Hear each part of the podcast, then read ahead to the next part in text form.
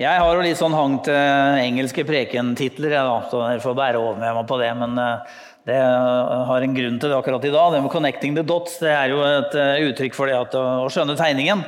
Eh, det at du kan se helheten eller forstå, forstå på en måte, se hele bildet. Og det er det jeg skal, skal prøve å få fram, da, så jeg håper, håper vi skal få til det. Så vi skal ha fokus på det med at, at Jesus gikk rundt. Så det kommer til å framgå av når vi skal lese dagens tekster, eller Anne skal lese dagens tekster. Vær så god, Anne. Dere vet om det som begynte i Galilea etter at Johannes hadde forkynt sin dåp, og som siden spredte seg over hele Judea. Jesus fra Nasaret ble salvet av Gud med hellig ånd og kraft, og han gikk omkring overalt og gjorde vel, og helbredet alle som var underkuet av djevelen. For Gud var med ham. Ingen har noen gang sett Gud, men den enbårne, som er Gud, og som er i Faderens favn, han har vist oss hvem han er. Fordi Jesus hadde gjort dette på sabbaten, begynte jødene å forfølge ham.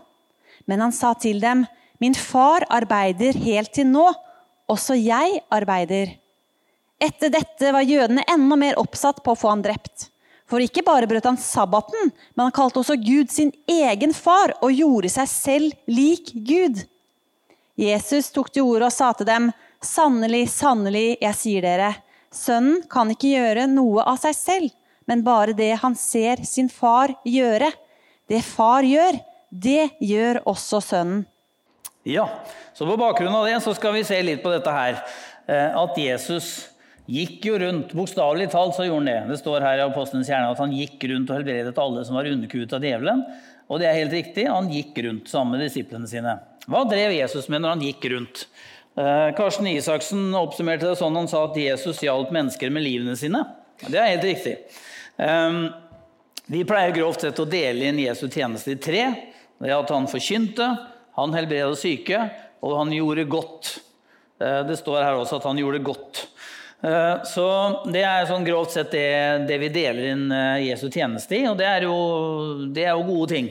Eh, å forkynne at Guds rike var kommet nær, helbrede syke og gjøre gode gjerninger. Det er en veldig bra agenda å ha.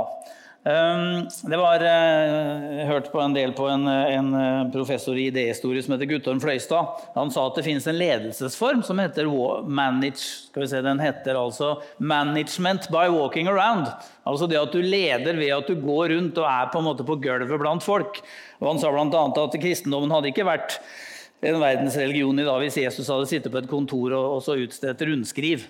Men det at han gikk rundt og var, var sammen med folk og påvirka menneskets liv direkte, det var eh, en av, en av faktorene til, til, Jesus' suksess, da, ifølge han eh, professoren. Og det, det, kan vi være enig i, det, det, med å gå rundt.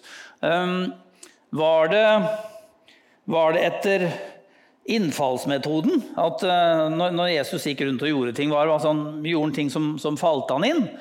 Um, Bibelen sier at Jesus var sann Gud og sant menneske. Det vil si at det han gjorde, var prega av begge disse to bestanddelene.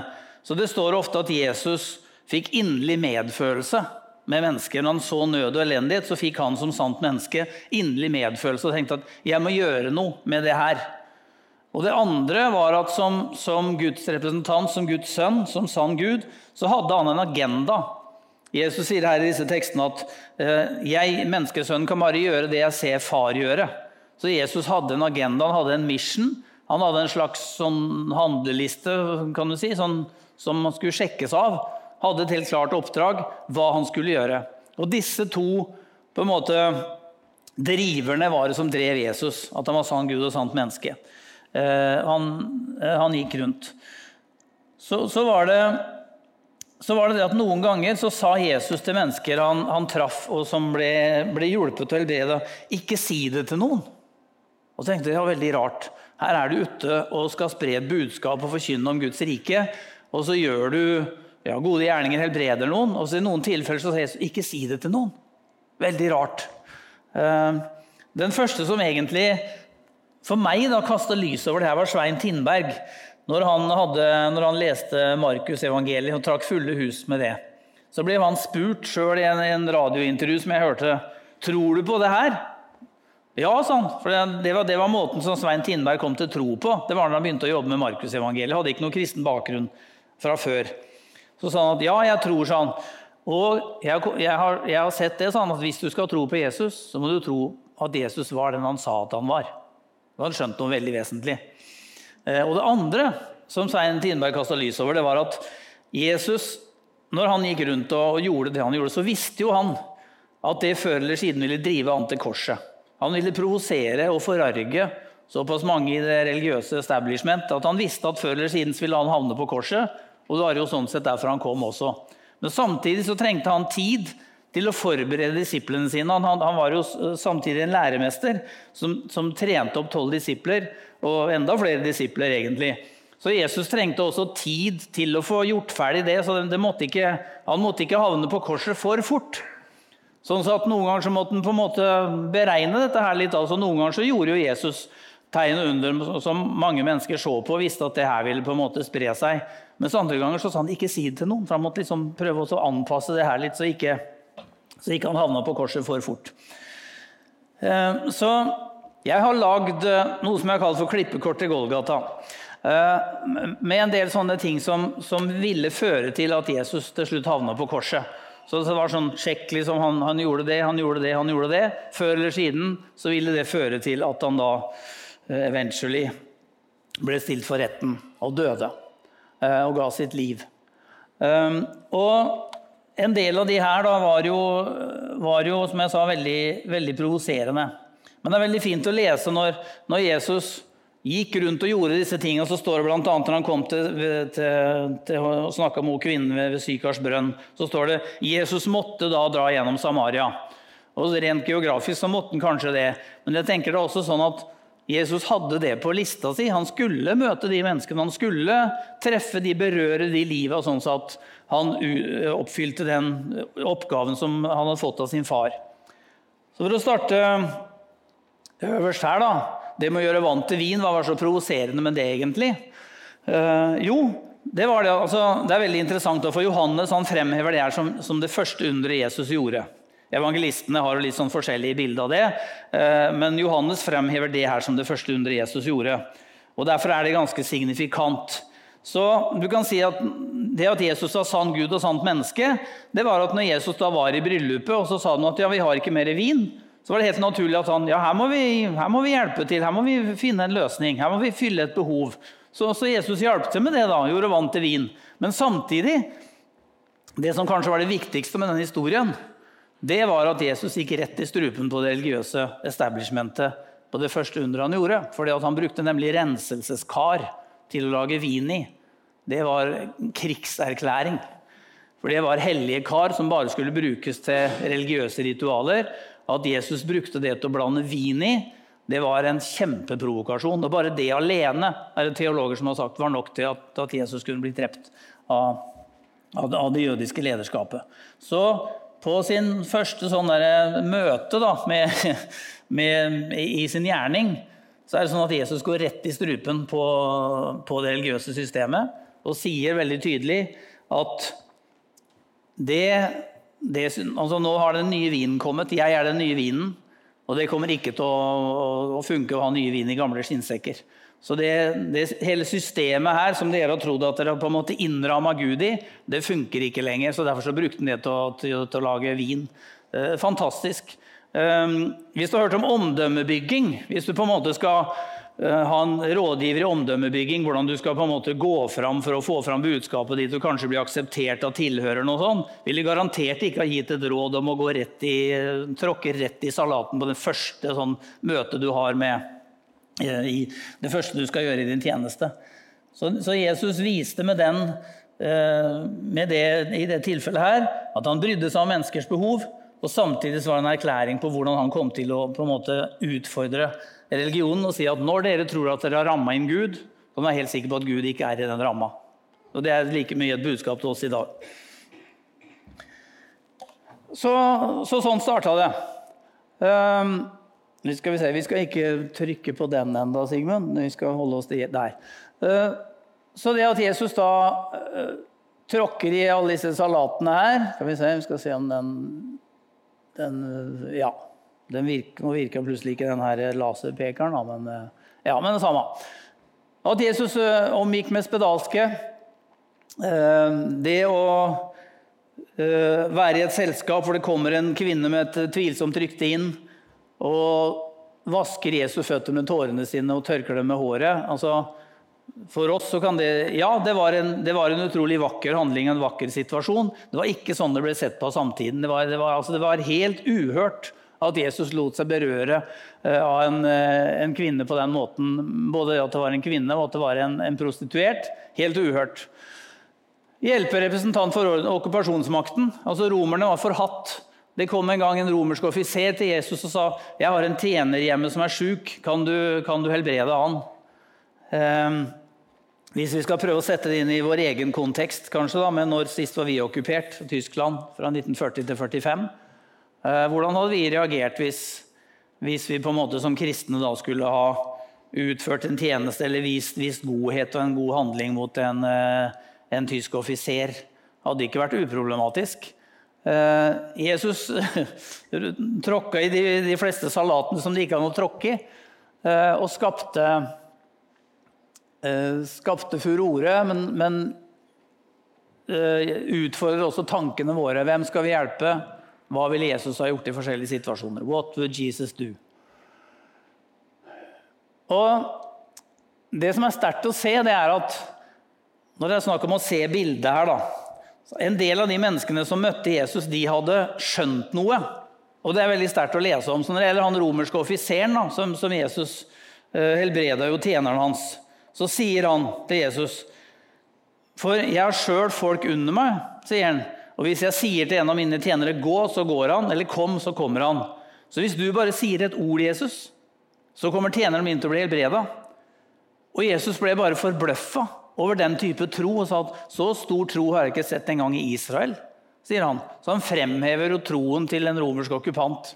For han hadde skjønt noe. Han hadde forstått at Jesus hadde autoritet over sykdom og hadde autoritet i det hele tatt. Så Han sa hvis du bare sier et ord, så kommer, kommer tjeneren min til å bli helbreda. Og Jesus blir forbløffa over den type tro. Men jeg blir forbløffa over at de som, var, som så Jesus, de, en del av de menneskene, de skjønte noe med en gang. De catcha det. Og andre catcha det ikke. Um, hun som uh, la seg berøre av en kvinne med blodsykdom. Uh, en annen sånn, sånn type historie hvor, hvor et enkeltmenneske hadde forstått noe som andre ikke forsto. Så her var Jesus på vei fra et sted til et annet. Uh, det er, det er, masse folk rundt. Og så sier Jesus plutselig 'Hvem rørte ved meg?' Og så sier disiplene 'Hvem rørte ved deg?' Altså, Hvem er det som ikke rører ved deg? Det er, det er full trengsel her. Jo, sa Jesus, for jeg kjente at det gikk en kraft ut fra meg. Og så, så leser vi at hun, hun dama da, som var syk, hun sa, hun sa, ved seg selv står det, hun sa at hvis jeg bare får røre ved kanten av kappa til Jesus, da blir jeg helbreda. Hun hadde skjønt det, hun hadde forstått at det å røre ved Jesus i tro, da skjer det noe.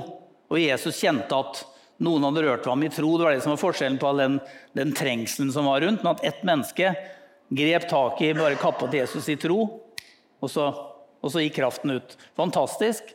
Um, og det, det, taler også til oss, det der med å, å se hvem Jesus er, hva han kan gjøre.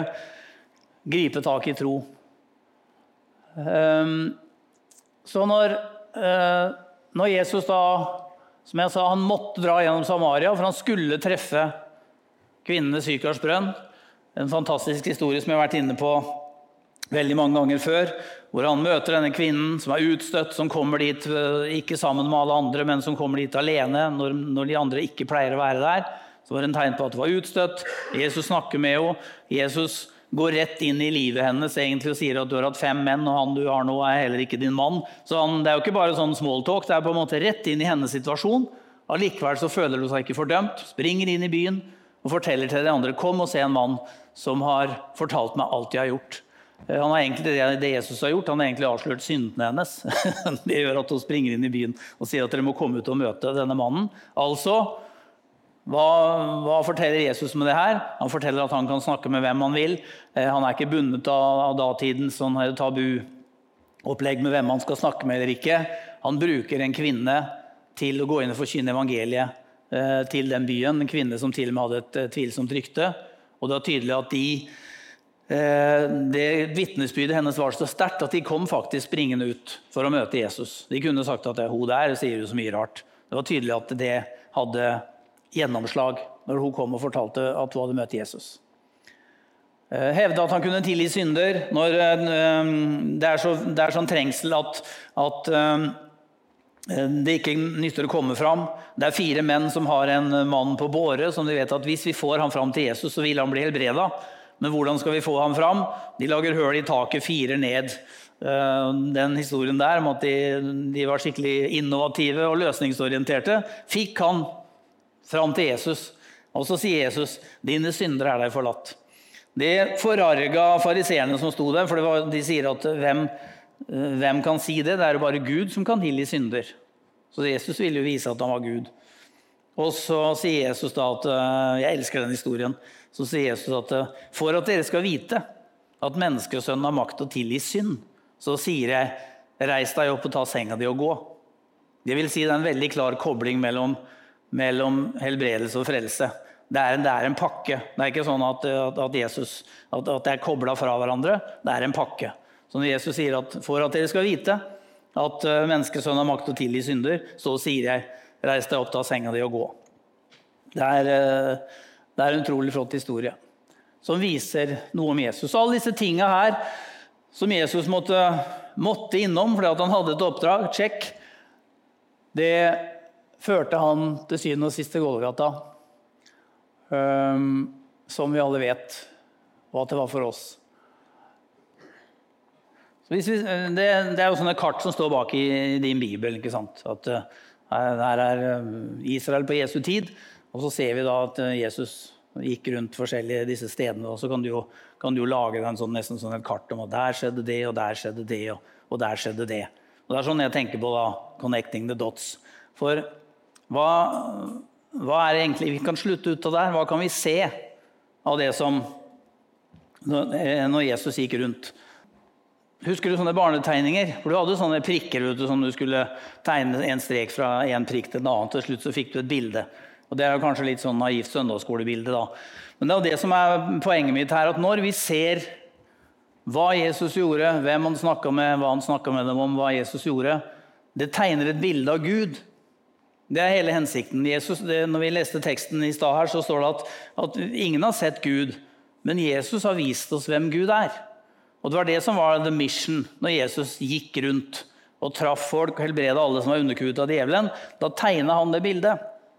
Og En teolog som heter Greg Boyd, han sier at hvis du vil, hele tatt vil ha noen forestilling om hvem Gud er, så skal du se for deg Jesus som henger på korset, dør for våre synder, mens han ber for sine fiender. Det er det ultimate tegnet på, på, Guds kjærlighet og på, på selvoppofrelse og på Guds kjærlighet til oss.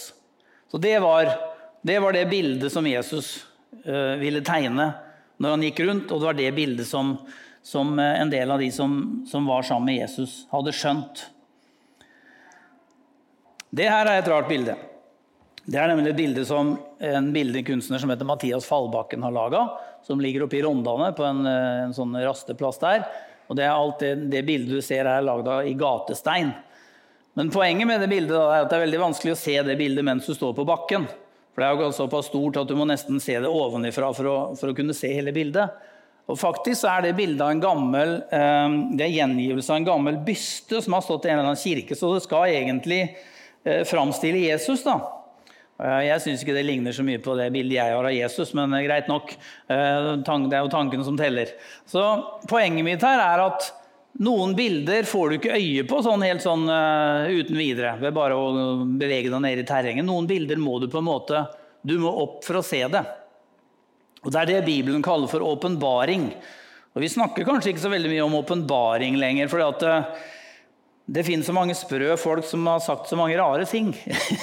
og som har fått så mange rare åpenbaringer, såkalte åpenbaringer. uh, ja, og Du hører stadig om det på på Urix på NRK nå så er det liksom siste tragiske som har skjedd nå, er en, en, eh, menighet i Afrika hvor masse folk har sulta seg til døde for at de skulle møte Jesus. Liksom. Altså, det, det fins mye sprø folk som holder på med rare ting i, i Guds navn. og som har åpenbaringer. Men Bibelen er full av eksempler på at du kan få se noe som du ellers ikke ville ha fått sett. Og Det er det Jesus ville når han gikk rundt. Han ville åpenbare for deg og meg hvem Gud er, og hvordan vi kunne komme i kontakt med Gud. Så når, når Jesus spør disiplene sine ved tilfelle hvem sier folk at jeg er? Ja, så får du liksom forskjellige svar. Noen mente at døperen Johannes som hadde stått opp igjen for de døde, og noen mente profeten Elias og, og forskjellig sånn. Og så sier Jesus, ja, men hvem sier dere at jeg er, da? Og så svarer Peter, det legendariske svaret, du er Messias, den levende Guds sønn. Da ble Jesus kjempeglad og sa at salig er du, Simon, for kjøtt og blod har ikke åpenbart deg det her, men, men min far i himmelen. Det vil si at det her kan du ikke se uten at du får det åpenbart. Så da, da visste han at krona hadde dettet ned hos, uh, hos, Peter. Han visste yes, det var derfor jeg holder på med det her, for at folk skal skjønne det her. Hvem jeg er, og hvem Gud er. Så, så du kan godt si at uh, jobben vår også, da, som, som, Guds kirke og som, som, disipler av Jesus, det er jo nettopp at hvis vi kan vandre i Jesu fotspor og tegne det bildet av Gud, uh, og få krona til å dette ned og Det skjer på mange forskjellige vis. Noen har litt mer sånn at de tenker seg til tro, sånn som C.S. Lewis. Jeg tror ikke han var framme på et vekkelsesmøte og bøyde kne og så snørr og tårer rant. Han var mer en sånn akademiker som, som, tenkte seg til tro, mens andre opplever på en helt annen måte. Vi er forskjellige. Men hovedsaken er at krona detter ned.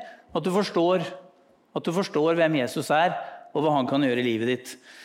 Eh, og tenk om vi kan, tenk om vi kan ha den funksjonen at vi kan, eh, at vi kan peke på Jesus på den måten. da. Ehm, når Jesus møtte mennesker, så han møtte jo Sakkeus f.eks., så er det sånn at det er en, eh, det er en sånn en lek med ord, det her, som er ganske mye brukt. Ehm, for tradisjonelt sett så har det vært sånn at rekkefølgen er 'believe, behave, belong'. Vi tar det på engelsk, for det er liksom, det det starta med. Så du kommer til tro på Jesus, ikke sant? og så omvender du deg, så skikker du deg, og så blir du en del av et kristent fellesskap. Og Det er derfor mange kristne menigheter har blitt sånn klubber for vellykka mennesker og liksom pene og pyntelige mennesker. og sånn, fordi det er, liksom, det, er den måten det skjer på. Men hvis du tenker når, når Jesus møter Sakkeus, så stopper han opp. Er, og veldig ofte i det, det, som skjer med Jesus, er at det er mange folk til stede. Så hun dame ved Sykars brønn, først så snakker de med henne alene, men så kommer det masse folk Eh, fordi at Jesus på en måte løfter henne og gir henne en, en verdighet og sender henne inn i byen for å for, evangeliet. Altså, Jesus bekrefter mennesker også i andres påhør. Eh, så når, når Jesus sier til Sakkeus Kom dere, Sakkeus, jeg skal spise middag med deg i dag. Så er det i masse menneskers påhør. Og igjen en kraftig provokasjon. Eh, tollere var det verste avskummet du kunne tenke deg fordi på den tida, fordi at de drev og, det var korrupsjon, og de tok for mye penger av folk, og de tjente seg søkkrike på andres ulykke. Så tollere var det verste eh, type mennesker. Eh, og det som enda, var enda verre, var at jødene de hadde ikke måltidsfellesskap med mennesker som de ikke stolte på, eller som ikke på en måte var innafor. Så Jesus sier både at han skal dra på besøk til Sakkeus, og at han skulle spise middag. Helt uhørt. Så det Jesus signaliserer her, da, eh, i andres påhør, det er at eh, 'jeg kommer hjem til deg', Sakkeus. Det vil si at Jesus, og det ser du i mange andre tilfeller òg, han inviterer mennesker inn i fellesskapet først. Uten betingelser. Så, så, så det er den eh, den rekkefølgen der kanskje vi skal på en måte ja, Skal vi tenke annerledes om det? Og hva, hva, hva har det å si for, for oss, da? Jeg måtte bare understreke det her, liksom. Og det riktige svaret er Tenk om vi kunne Tenk om vi kunne ha den At vi også kunne jobba sånn, at vi også kunne operert på den måten. Og jeg tror det er ganske utfordrende for mange av oss. Eh, men at Først så blir mennesker invitert inn i et fellesskap. Uansett hvordan du er, uansett hva slags bakgrunn du har, uansett hva du har gjort. Så inviterer Jesus mennesker inn i et fellesskap. Sakkeus kommer til tro, blir overvelda av den kjærligheten han møter hos Jesus. Og så sier Sakkeus at hvis jeg har pressa penger av noen, så skal de få firedobbelt igjen. Og halvparten av det jeg eier, skal gi til de fattige. Den rekkefølgen er det Jesus opererte, ikke, opererte etter. Ikke det motsatte, men som dessverre har vært det rådende i mange eh, innenfor kristenheten. At først måtte du komme til tro, så måtte du skikke deg, og så kunne du bli sluppet inn i fellesskapet. Det var ikke sånn det fungerte med Jesus. Og Det er kanskje en av de største eh, utfordringene fortsatt for, for eh, Kirken. Så Det er kjempeviktig at vi eh, tar first thing first. Og det at det mønsteret som Jesus så tydelig tegna, og det bildet som Jesus så tydelig tegna og fordi det, er, det som er vanskelig for oss, det er at ja, men man kan da ikke godta hva som helst. Nei da, vi skal ikke godta hva som helst, men vi skal ha tro på at Guds kjærlighet forvandler mennesker. Det er det vi skal ha tro på. Det er ikke vi som skal på en måte ha kontrollen på det. Men vi må ha tro på at Guds kjærlighet og evangeliet gjør det det skal gjøre i menneskers liv. Jeg skal lese den her. Da de kom til Eriko, og da Jesus dro ut av byen sammen med disiplene og en stor folkemengde, satt en blind mann ved veien og tigget. Han het Bartimeus, sønn av Timius. Da han hørte at det var Jesus fra Nasaret som kom, satte han ned og ropte, 'Jesus, du Davids sønn, ha barmhjertighet med meg.' Mange snakket strengt til ham og ba ham tie, men han ropte bare enda høyere. Du Davids sønn, ha barmhjertighet med meg. Da stanset Jesus og sa, be ham komme hit. Spørsmål. Har jeg skjønt tegningen? Har vi skjønt tegningen? Vi har jo fasit i handa, for vi, vi kan lese evangeliene i etterkant og lese historien i etterkant om hvordan en del mennesker rundt Jesus ikke skjønte tegningen. Og vi kan jo kanskje liksom le og humre litt over, over, folk som ikke skjønte det på den tida der. Men hvis Jesus skulle, hadde på en måte vært fysisk iblant oss nå, hadde vi skjønt tegningen? Hadde det vært sånn at Jesus ville utfordre og provosert og kanskje til og med sjokkert oss? Jeg tror det. Det som er Spesielt å se i denne historien her. Her er Jesus på vei. Han er sammen med, altså han har fått en gruppe etterfølgere. Eh, så de, de, er på vei fra et sted til et annet. På vei til Eriko. Og så begynner plutselig en, en blind mann å rope og skrike. Og så står det som i et par andre steder og når de er gjengitt, at de som var sammen med Jesus, da, de sånn Nei, hysj, ikke, ikke, vær stille nå, liksom. Vi, vi er midt oppi noe her. Og så tenker jeg ja, jeg kan kjenne meg igjen i det. jeg. Sett nå at uh, Jeg var en av disiplene til Jesus da hadde liksom kommet inn i uh, Det her var svære greier og, kanskje ikke var blant de tolv, men sånn var, kanskje var på vei inn og tenkte at det her kan jo ja, kanskje til og med bli sett og bli, få oppmerksomhet og kanskje til og med posisjonere seg. Veldig fort gjort å tenke sånn. Og så kanskje du da har, har kommet på en måte sånn inn, inn, i kretsen da, og kanskje til og med var i en sånn uh, eh, Snakka med Jesus om noe, ikke sant? og du tenkte at wow, liksom, nå er jeg virkelig kommet, nå er jeg kommet med i det som skjer her. Og så begynner en eller annen sånn lurvete fyr å rope og skrike i veikanten. Så vil du kanskje si ja, men nei, vær stille nå, vi er, vi er midt oppi en interessant samtale her. skjønner du, Så ikke, må du begynne å rope og skrike akkurat nå. Altså, Du kan gå glipp av det. Vi kan gå glipp av det så lett. Vi kan misforstå så lett. Hva er egentlig tegn? Hvorfor kom Jesus egentlig? For vi har våre egne motiver, og det er så fort gjort å tenke posisjon og, og tenke på seg sjøl.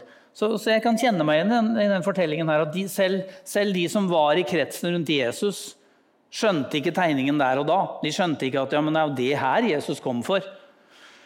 Så når, eh, når Jesus da f.eks. Eh, velsigner barna og sier 'la de små barn komme til meg', så er det fordi at disiplene ville vise dem bort. For. Så de som var rundt Jesus, ville vi Nei, kutt ut nå. Vi er midt oppi noe her. det foregår noe viktig her. Så når, når mødrene kom med barna for at Jesus skulle legge hendene på dem og velsigne dem, de hadde jo skjønt hvorfor Jesus kom. Men de som var rundt Jesus da, de skjønte det ikke. Så du kan faktisk på en måte være med på greia, og allikevel så er det ting du ikke skjønner. Derfor er det så viktig at vi hele tiden har disse rundene og minner hverandre på at Jesus kom for å søke det som var fortapt. Kjempeviktig. Så jeg har også gjort det tankeeksperimentet. Hvis, hvis, Jesus hadde kommet, vært sammen med oss fysisk nå, hva hadde, hva, hadde, hva hadde sjokkert meg da? For Jesus var så raus at han sjokkerte sine omgivelser. Eh, hva, hadde, hva, ville sjokkert meg da? Hva ville provosert meg? Hva ville utfordre meg på det kraftigste? Jeg kan godt tenke meg en del ting, men men eh, det kunne vært veldig interessant å tatt den, tatt den runden sammen en gang. Tenkte hva, hva tror vi Jesus ville virkelig ha, ha utfordra oss på? Det med, med egoisme og en del sånne ting. Og jeg ville helt klart stått på lista. Så jeg tenker at um, Jeg har to mål med det budskapet her, for å, for å avrunde.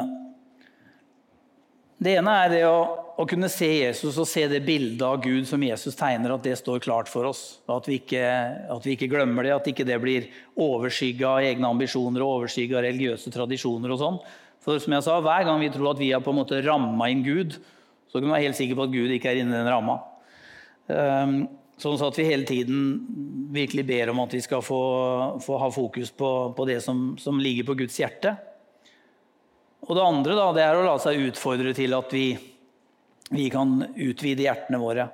Til å, til å, se sånn som Gud ser, og se de menneskene som er rundt oss, og se, se hva som er vårt oppdrag. Jeg eh, skal avslutte med en historie som jeg hørte nylig om en prest i England. Det her med å hvordan du kan på en måte formidle bildet av Jesus sånn som krona detter ned. Ehm, det var en prest som stadig var på, var på besøk da, på et sykehus der, i nærheten der han hadde sitt virke. Ehm, og I en periode så er det en, spesielt en pasient som har legger merke til som er veldig negativ. Så Han har levd et hardt liv, er egentlig døende, eh, bitter. Så hver gang presten går forbi, så viser han fingeren og passer på liksom å følge, følge rundt liksom med fingeren, sånn så han var helt sikker på at uh, han fikk med seg det. liksom. Så det, så det var presten vant til. Og så En dag da, så, så, sier han som ligger i senga da, 'Ja, er du prest, du, eller?' 'Ja.' Det er derfor du går med sånn uh, hvit krave, sånn hvit, hvit snipp. da. 'Ja, stemmer det.'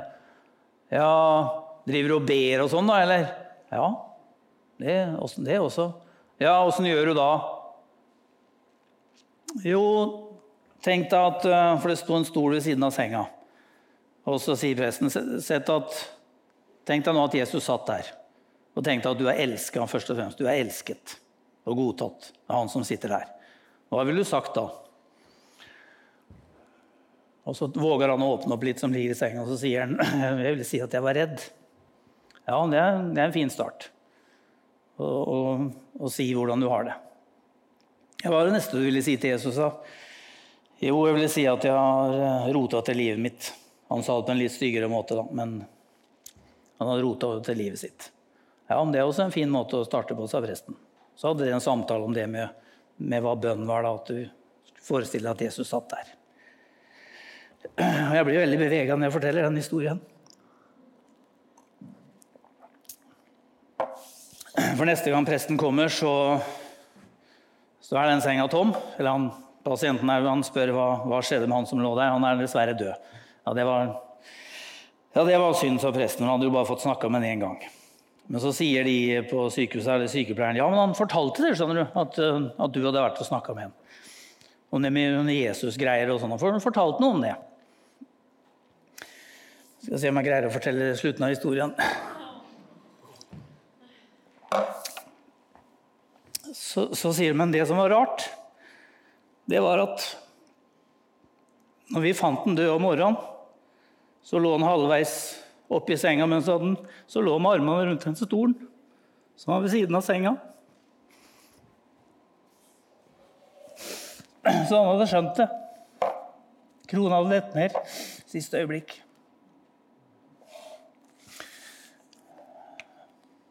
Så det er en så enkel og virkningsfull måte å vise hvem Jesus er. Og Tenk om vi kan gjøre det. Og det, det er jo det vi driver med, det er det jeg syns er så flott Vi å være med på det her. Til slutt De som gikk og, og var lei seg for at Jesus var død. Det er typisk sånn annen påskedagsbudskap om eh, Emmaus-vandrerne, som det heter. De gikk, de gikk fra, fra, Emmaus, to stykker, og så kom Jesus og slår følge med dem på veien, og de ser ikke at det er Jesus. Og så begynner Jesus å si dem, ja, jeg, du, skjønner, du skjønner at vi, vi, vi, trodde på denne Jesus, da, men så døde han og sånn. Og så begynte Jesus å fortelle om alt som står om han i Skriftene. Så da så blir Jesus med dem inn om kvelden, og så bryter de brødet. Og da ser de at det er Jesus. kommer åpenbaringen. Og så, så, forsvinner, og så forsvinner Jesus etter hvert. Og så sier de til hverandre Brant ikke hjertene våre i oss når Jesus fortalte eller åpne Skriftene for oss på veien? Og Det er det jeg opplever når jeg satt og forberedte den prekenen her. Kjenner at hjertet brenner. Eh, og Jeg blir så fascinert av alle disse møtene som Jesus hadde med mennesker. Hvordan det kan ha betydning for oss og det vi gjør. Eh, og det at, at vi kan ha brennende hjerter, og at vi også kan vise Jesus til, til mennesker, så deres hjerter også kan, kan, brenne, og de kan se hvem Jesus er. Så uh, lar vi det synke inn. Har du sett Jesus? Det, det, var, uh, det gikk noen sånne historier før om gærne pinsevennene du, som drev og døpte folk med full neddykkelse. Og at da, uh, da ble du holdt under helt til du så Jesus. Jeg tror nok aldri det har skjedd. Jeg har aldri hørt om det, i hvert fall. Men det går an å få se Jesus. Selv om ikke han har stått foran deg, så går det an å få se Jesus gjennom i Bibelen, sånn at du skjønner det, og sånn at du skjønner at det er for meg.